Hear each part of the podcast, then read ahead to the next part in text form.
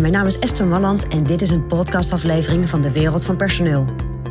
In mijn podcast deel ik graag mijn ideeën met je om op een slimme en simpele manier met je personeel om te gaan.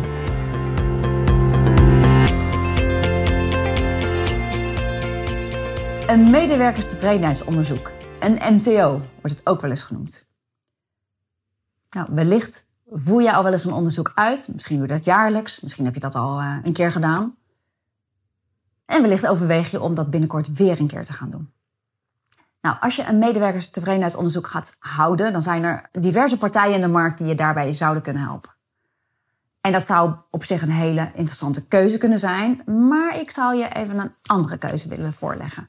En die andere keuze is dat je een medewerkerstevredenheidsonderzoek doet met een hele duidelijke kern, een hele compacte kern. En wat bedoel ik daarmee?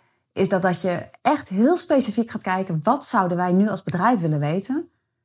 Misschien ben je naar een nieuw pand verhuisd. Misschien uh, nou, na corona wil je heel goed weten van hoe hebben mensen thuiswerken ervaren. Hoe gaan we dat verder vormgeven binnen het bedrijf.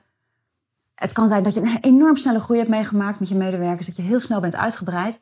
Nou, dan heb je eigenlijk best wel een duidelijke kern. En dan wil je eigenlijk daar met name informatie over. Hoe hebben mensen dat ervaren? Nou, en op het moment dat jij een medewerkerstevredenheidsonderzoek gaat houden en dat heel breed insteekt, en dat gebeurt wel eens door partijen in de markt, ben ik wat minder voorstander van, dan krijg je dus hele uiteenlopende antwoorden uit over heel veel verschillende onderwerpen. Ik geloof altijd in 20% inzet, 80% resultaat. Dus dat je eigenlijk heel goed nadenkt, waar zouden wij nu informatie over willen hebben die ons de komende tijd gaat helpen. En die ook de interactie met onze mensen, maar de samenhang met de mensen, de samenwerking, die daar een goede boost aan gaat geven. Nou, kies dan voor een kern. Dus kies voor een, een aantal kernvragen die jou goede informatie geven. En beperk je dan liever, in plaats van 25, 40 vragen te stellen, tot vijf vragen die het verschil maken. Die als je daar antwoord op krijgt, dat je ook echt weet, nou daar kan ik wat mee. En als je dat zou willen doen, dan zijn daar ook tools voor beschikbaar waarmee je dat gewoon zelf kunt uitvoeren om die medewerkers. Dat kun je, kun je geanonimiseerd doen, dat kun je ook met, met naam en toenaam doen. Wees daar wel even duidelijk over naar je mensen. Maar bedenk gewoon dan vijf vragen die je zou willen stellen. En het hoeven er geen vijf te zijn, kunnen er ook vier zijn, kunnen er, kunnen er zeven zijn. Maar ik denk dat je begrijpt wat ik bedoel. Hou het compact en pak die vragen die echte informatie geven die jij op dit moment heel graag zou willen, omdat je daar rekening mee wil houden in alle contacten met je, met je medewerkers en in de volgende stap die je met je medewerkers wilt gaan zetten. Dat is mijn persoonlijk advies vanuit de wereld van personeel.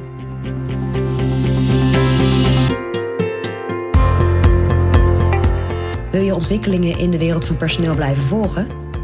Abonneer je dan op ons podcastkanaal. Ook op onze website vind je allerlei slimme ideeën en adviezen.